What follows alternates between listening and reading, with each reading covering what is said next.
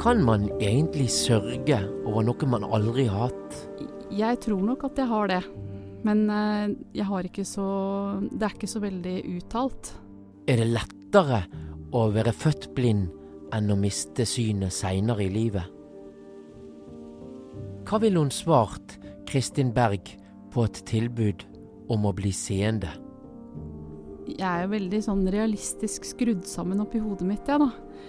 Så mm, det er, det er vanskelig, og jeg kjenner at det er skummelt. Fordi jeg har vært så veldig oppdratt til at når ikke øynene har vært brukt i løpet av de første leveårene, så vil aldri det kunne skje. Du hører på podkasten Å leve med tap, som er produsert av KAB. Frank Tangen er programleder. Jeg heter Kristin Berg og bor i Oslo. Har eh, familie, har to barn som er 16 og 18 år. Og jeg er utdanna sosionom og familieterapeut. Så nå jobber jeg med et eget lite enkeltpersonsforetak med prosjekter, kurs og foredrag. Og har jobba i veldig mange år innenfor rehabiliteringsfeltet. Og da har jeg jobba mest med funksjonshemma og kronisk syke og pårørende. Når forsto du eh, første gang at eh, du manglet en sans som folk rundt deg hadde? Det er veldig vanskelig å, å tenke tilbake på, fordi som barn er man jo veldig sånn Ting er litt som de er. Og jeg har vokst opp med replikker som 'det kan ikke du se', eller det, 'det burde ikke du gjøre fordi du ser jo ikke' alle disse replikkene man har hørt. Jeg husker vel mer sånn enkeltstående hendelser hvor jeg kanskje ble klar over da at det var at jeg ikke ser noen ting. Hvis du skulle fortelle om en eh, slik hendelse? Ja, én ting som jeg husker veldig godt, det er fra, fra skolegården. Jeg gikk jo i spesialklasse de første årene, fordi da kunne lokalskolen si nei til eh, å ta imot funksjonshemma elever, og det gjorde min lokalskole.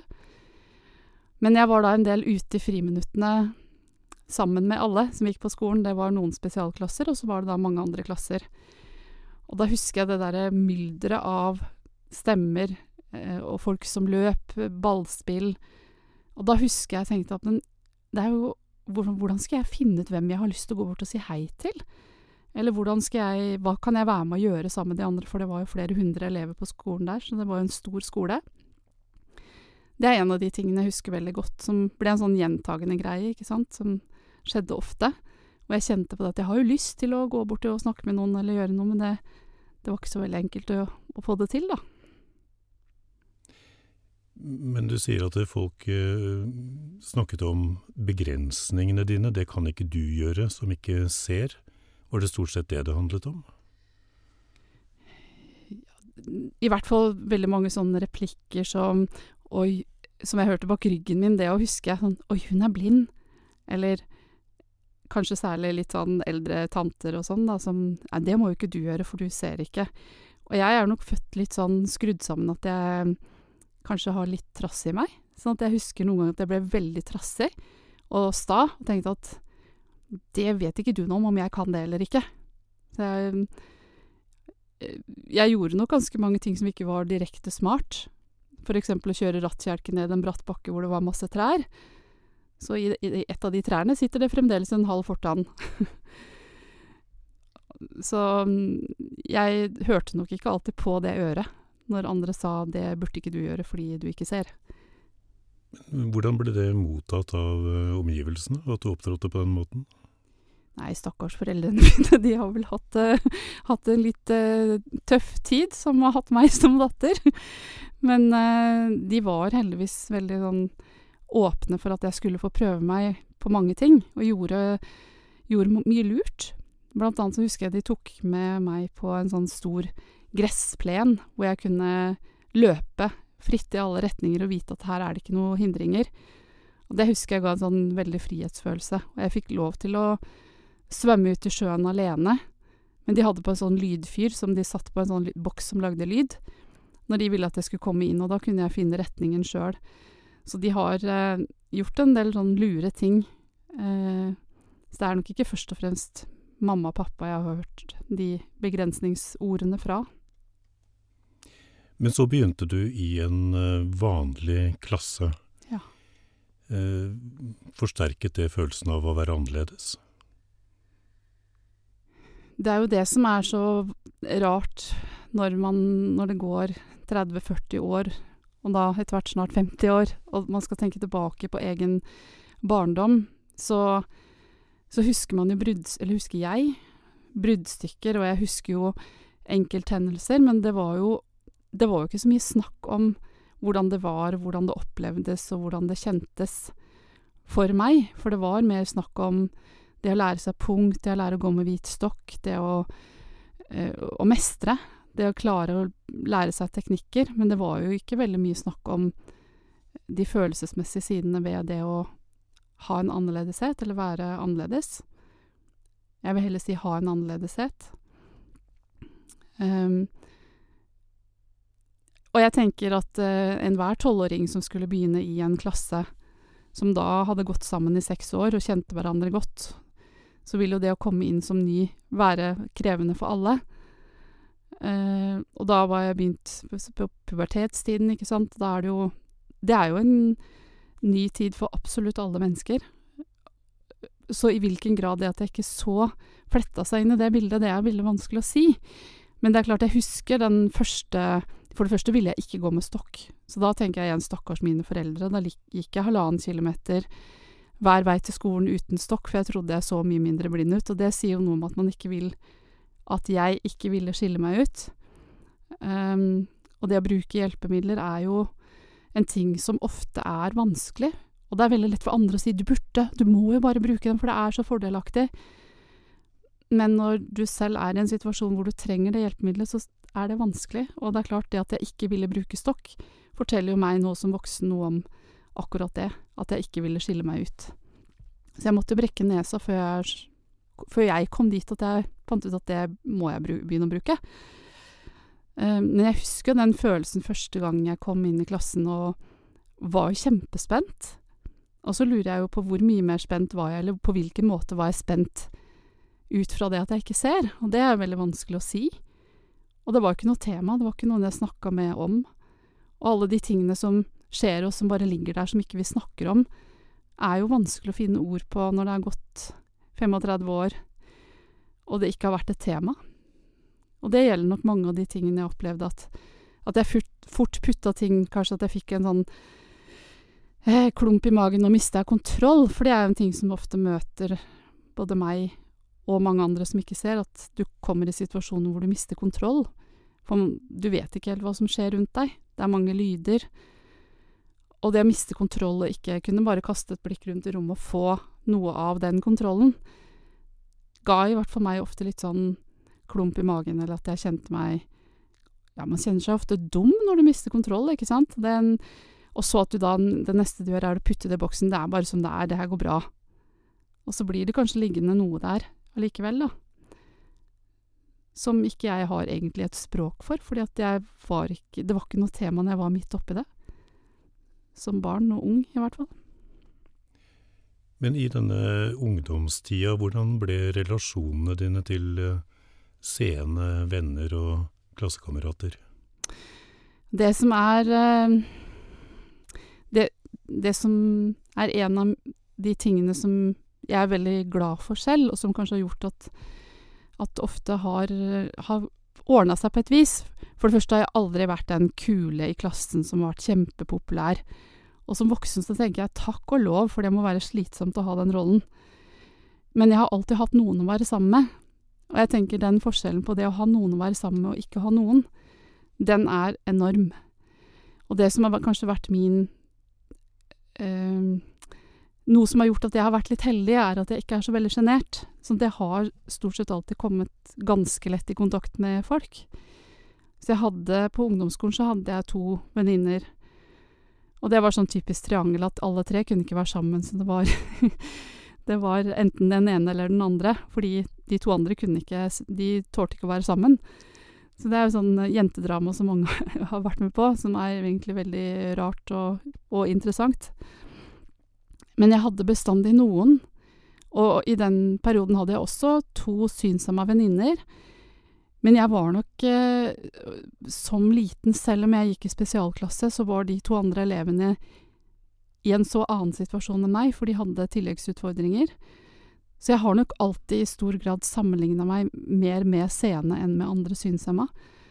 Og det er også på godt og vondt, kanskje. Um, så i ungdomstiden så hadde jeg bestandig noen ordentlig nære venner som var seende. Men måtte du kjempe for at uh, det å være blind ikke skulle bli identiteten din?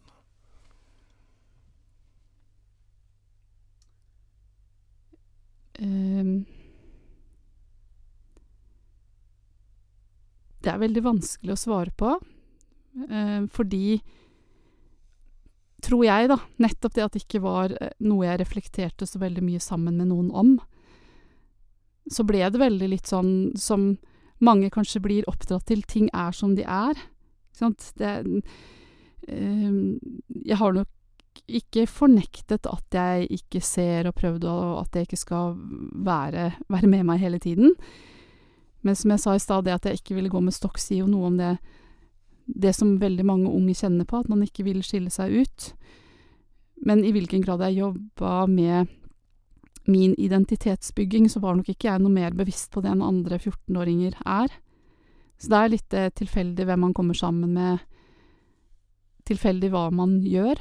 Og hvordan man blir møtt på skolen, ikke minst. Jeg var veldig heldig, for jeg hadde lærere som, som stilte like store krav til meg som til andre. Jeg ble ikke tatt ut av noen fag, det var ikke et tema. Og det er jeg veldig glad for i dag, å tenke tilbake på. Og jeg er veldig lei meg fordi jeg ser en del funksjonshemma elever få fritak i fag. Og da kan jeg jo snakke om de tilfellene jeg kjenner godt til, i situasjoner hvor det er helt unødvendig, hvor det handler om at man ikke har lagt til rette på en god nok måte. Der var jeg heldig. Jeg hadde lærere som Jeg to, ble ikke tatt ut av gymmen. Eh, jeg deltok på absolutt det jeg kunne. Og det samme i matematikk og de andre fagene. Og det, det gjorde jo sitt til at ikke jeg tenkte så veldig mye på at det var så annerledes. Jeg hadde ikke noe eneundervisning.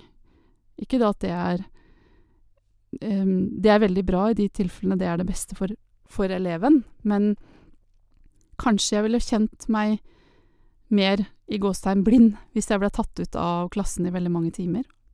Det vet jeg ikke, men på fritida og sånn, så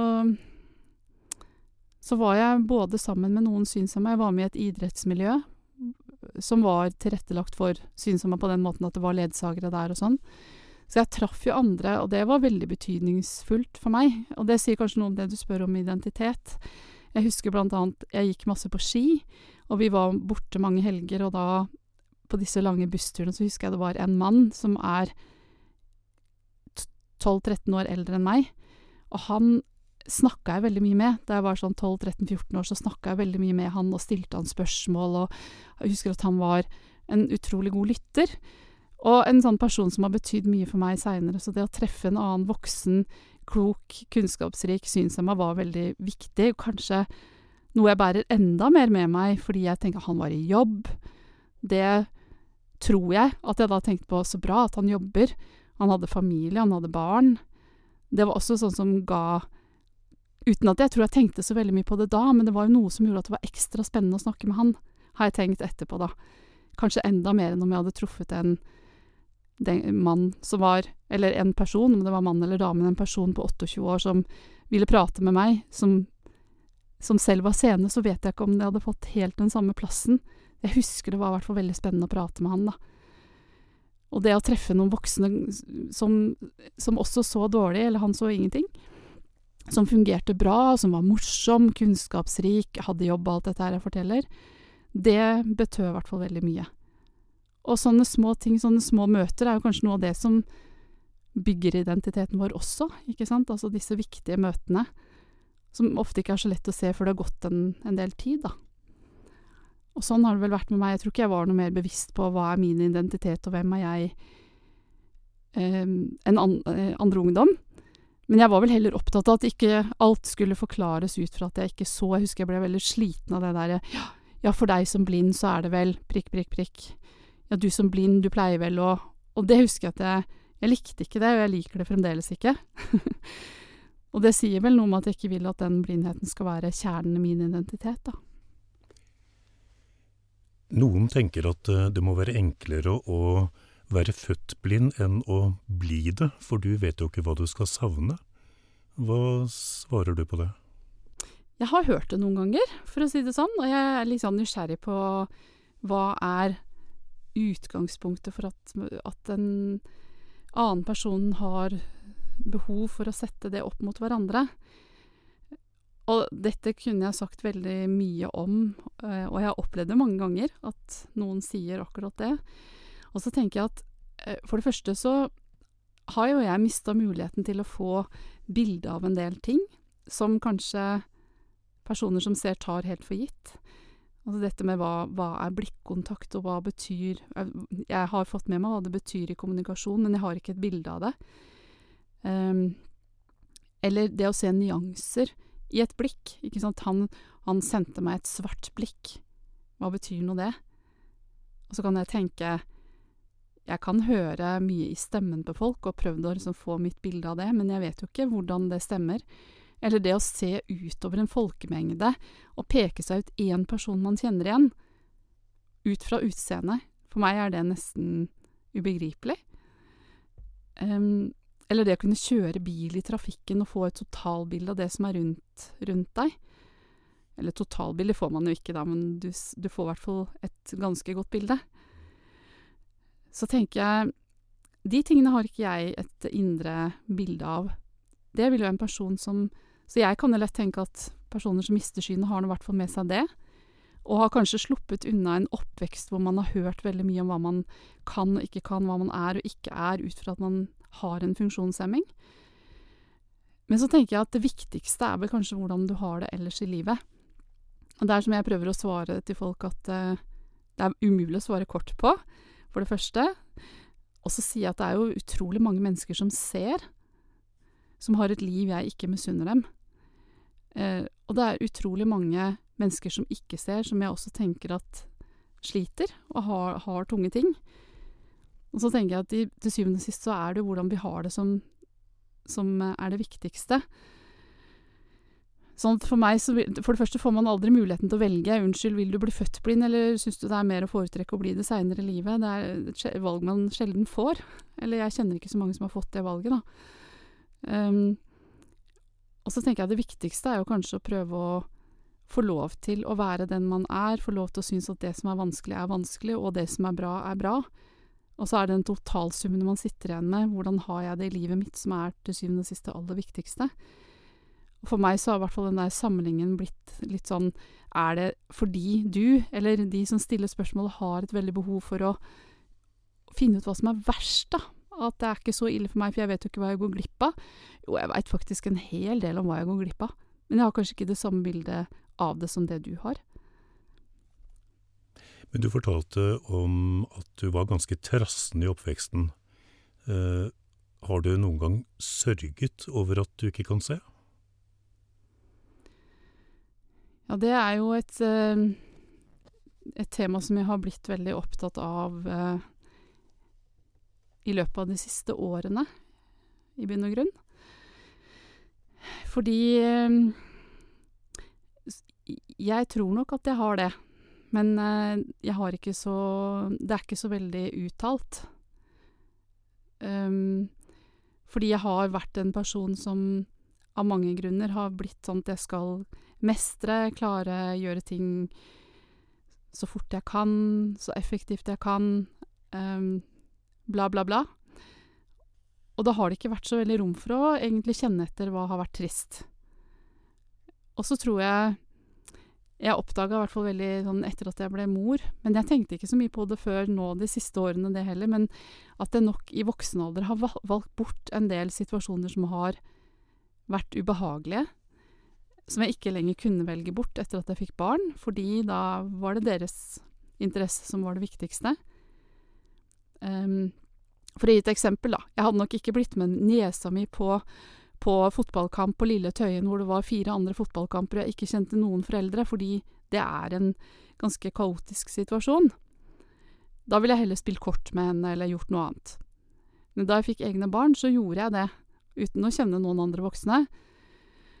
Og da kom det en liten unge bort midt under kampen og sa 'Du står og heier på motstanderens lag, altså'.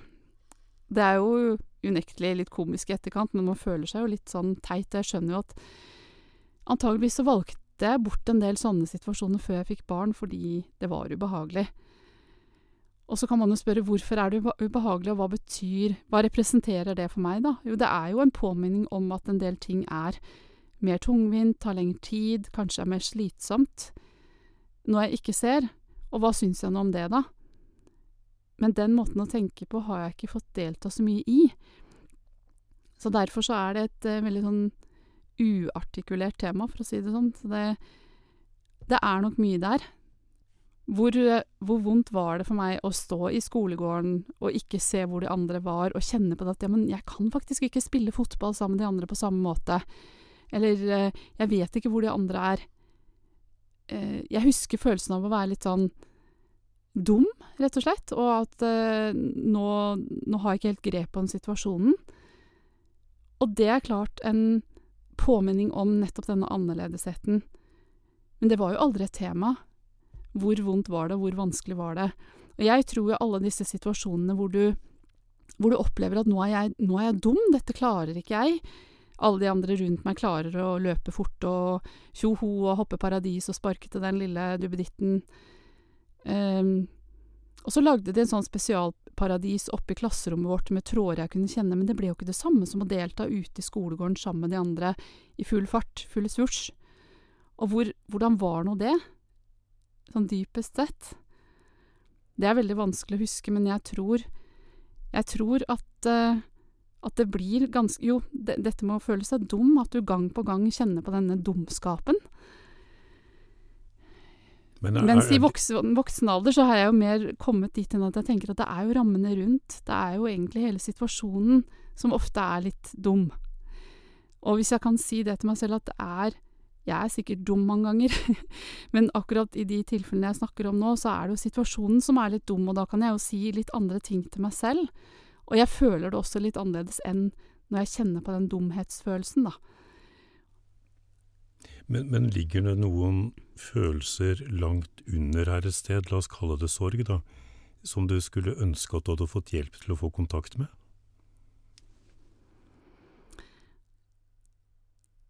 Nå har jeg gjennom min jobb vært ganske opptatt av og jobbet en del med andres sorg, og kan en del om disse sorgfasene og sånn, hva, hva, det står i litteraturen om sorg. Og så har jeg tenkt at eh, ja, men for oss som er født uten en sans eller med nedsatt sans eller en annen funksjonshemming eller kronisk sykdom, hvorfor står det ikke noe i litteraturen om det? Er det teoretikere som skal sitte og finne ut hva som definerer sorgen, eller, eller, eller, er det ikke det, må det komme litt mer fra oss som er i en situasjon. Jeg vet ikke i hvilken grad det kunne hjulpet meg å snakke om disse tingene, fordi jeg har ikke vært igjennom det. Jeg har ikke opplevd å få snakke om disse tingene. Men jeg tror, på samme måte som man har blitt mer og mer opptatt av å snakke med barn om vanskelige ting, så tror jeg også det kunne hjulpet meg og andre at det i hvert fall ble satt litt på dagsordenen, da at eh, det er viktig å lære punkt, og det er viktig å lære å bruke stokk og kunne alle disse teknikkene, men det er like viktig å lære seg noen eh, teknikker og verktøy som gjør at vi kan få det best mulig, fordi selv om situasjonen er dum, så er forskjellen for meg som voksen å tenke at situasjonen er dum, kontra at jeg er dum, og hvilke følelser det gir, ganske dramatisk forskjellig.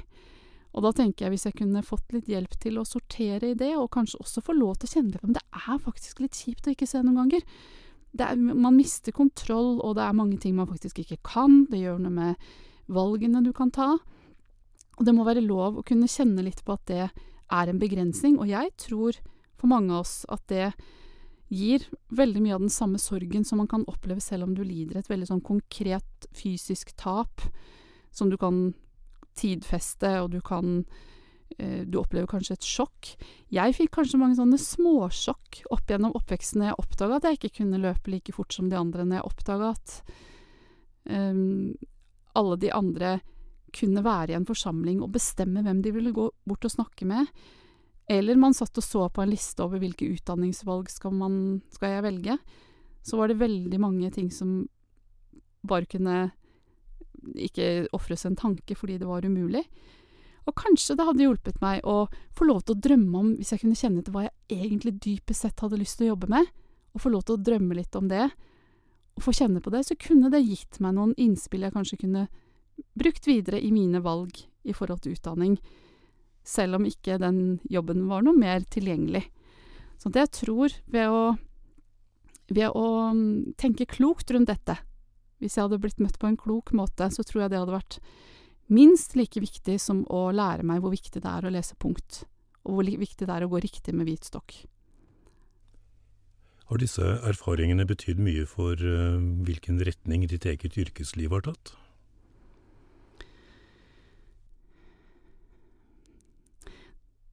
For meg så var det nok ganske tilfeldig hva slags eh, retning jeg valgte. Jeg var nok ganske sånn realistisk på hva som ikke var mulig å velge. Jeg skulle nok ha ønska meg en bedre veiledning da jeg skulle velge utdanning. Eh, det var liksom veldig sånn at pianostemmer og fysioterapeut, det egna seg veldig godt for synshemma.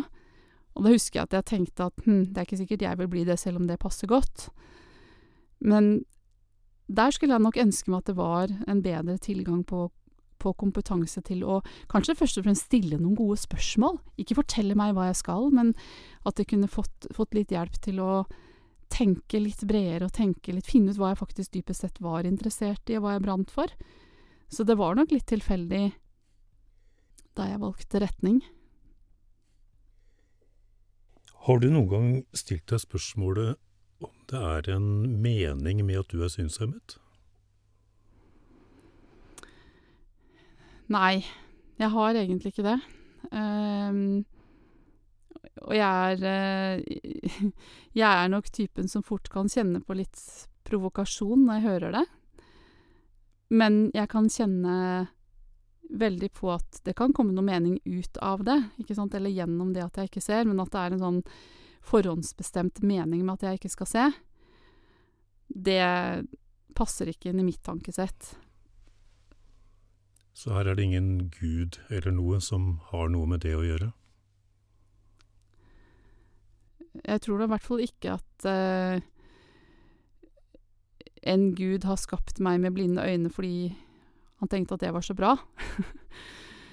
Men jeg tror heller at man kan få en guddommelig hjelp til å håndtere livet på, på en måte som er best mulig for meg og de jeg har rundt meg. Men det å tenke at jeg har blitt funksjonshemma av en spesiell hensikt, det tenker ikke jeg, men jeg tror absolutt at det kan komme Kanskje jeg får brukt andre sider av meg selv. Kanskje jeg gjør ting nå som jeg ellers ikke ville ha gjort, som det kan komme mening ut av. Det tror jeg. Hvis jeg kunne si til deg, Kristin, at jeg kunne tilby deg et mirakel eh, her og nå, enten det nå hadde vært eh, i form av en guddommelig inngripen eller eh, medisinsk eh, teknologi, og du kunne få synet tilbake, eller få synet, eh, hva ville du svare?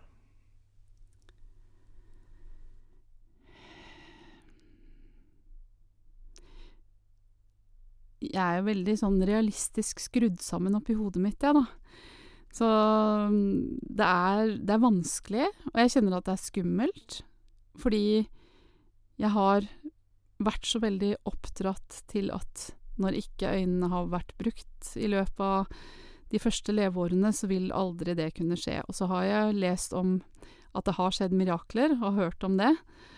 Men det angår liksom ikke helt meg, da. Eh, og det tror jeg det ligger mye beskyttelse i. At ved å gå inn på å tenke på det sporet, tenk om jeg kunne få synet, så er det veldig skummelt. Um, og det har vært en veldig lukka dør. Men jeg kjenner jo litt at den døra er, står litt på klem nå, fordi det skjer veldig mye spennende i forskningsverdenen rundt dette med syn. Så hvis jeg skal prøve å svare på det spørsmålet ditt, hva jeg, hva jeg ville gjort hvis jeg fikk vite om et sånt mirakel, så vil jeg si hvis jeg kunne få synet tilbake, eller få synet, og, og vite at jeg kunne ta i bruk synssansen, så ville jeg tatt imot det med en gang. Og da, jo, da begynner jeg å tenke, ja, men betyr det at ikke du er fornøyd med livet og fornøyd med det du har nå? Og det er jeg. Men jeg må jo si at jeg savner veldig å kunne se. I, for, mi, for, min del så gjør jeg det. Um, jeg har nok brukt ganske mye av det jeg har av psykisk forsvar på å prøve å finne en måte å løse de utfordringene som møter meg, eh, på en måte som jeg er komfortabel med. Og jeg tror ikke alt ville blitt rosenrødt og kjempebra selv om jeg fikk synet. Men eh, hvis du kom til meg og sa 'vil du ha et mirakel av meg', så tror jeg jo ikke det mirakelet hadde kommet fra deg, da, men hvis du hadde vært budbringeren for det, så tror jeg nok at svaret ville vært eh, ja takk. Men jeg kjenner også at det, ville, det er fryktelig skummelt å tenke den tanken. Så for meg blir det litt det å hvis, jeg, hvis dette hadde opptatt meg veld, veldig mye, at jeg gikk nå og tenkte på den forskningen som skjer, eller gikk og tenkte på at Gud kan jo helbrede meg, hvorfor gjør han ikke det? Um, så tror jeg det ville forstyrra meg fra å leve det livet som jeg er veldig fornøyd med og har, har det veldig bra med, selv om jeg samtidig har ting som er vondt innimellom, og som er vanskelig, og som er direkte kobla på at jeg ikke ser. Så tror jeg Jeg tror ikke jeg ville inn, helt inn i det rommet og begynne å kjenne på og tenke om jeg kunne få syn tilbake. Hvorfor skjer det ikke noe? Jeg skulle så inderlig ønske det. Så jeg trives nok bedre i det rasjonelle rommet hvor jeg kan få lov til å på en måte stå og se litt inn gjennom et vindu en gang imellom og kjenne litt på det. Men jeg vil ikke at det skal få ta for stor plass, for jeg er veldig takknemlig for det livet jeg har. Jeg er veldig fornøyd med det jeg driver med, og, og bruker tida mi på. Stort sett. Ikke alltid, men stort sett. Og da tror jeg kanskje det å være i det rommet hele tiden og kjenne på Tenk om noen kunne kommet og tilbudt meg et mirakel. Så tror jeg det ville tatt veldig mye av min glede her og nå, da. Fordi, I hvert fall hvis det ikke skjedde.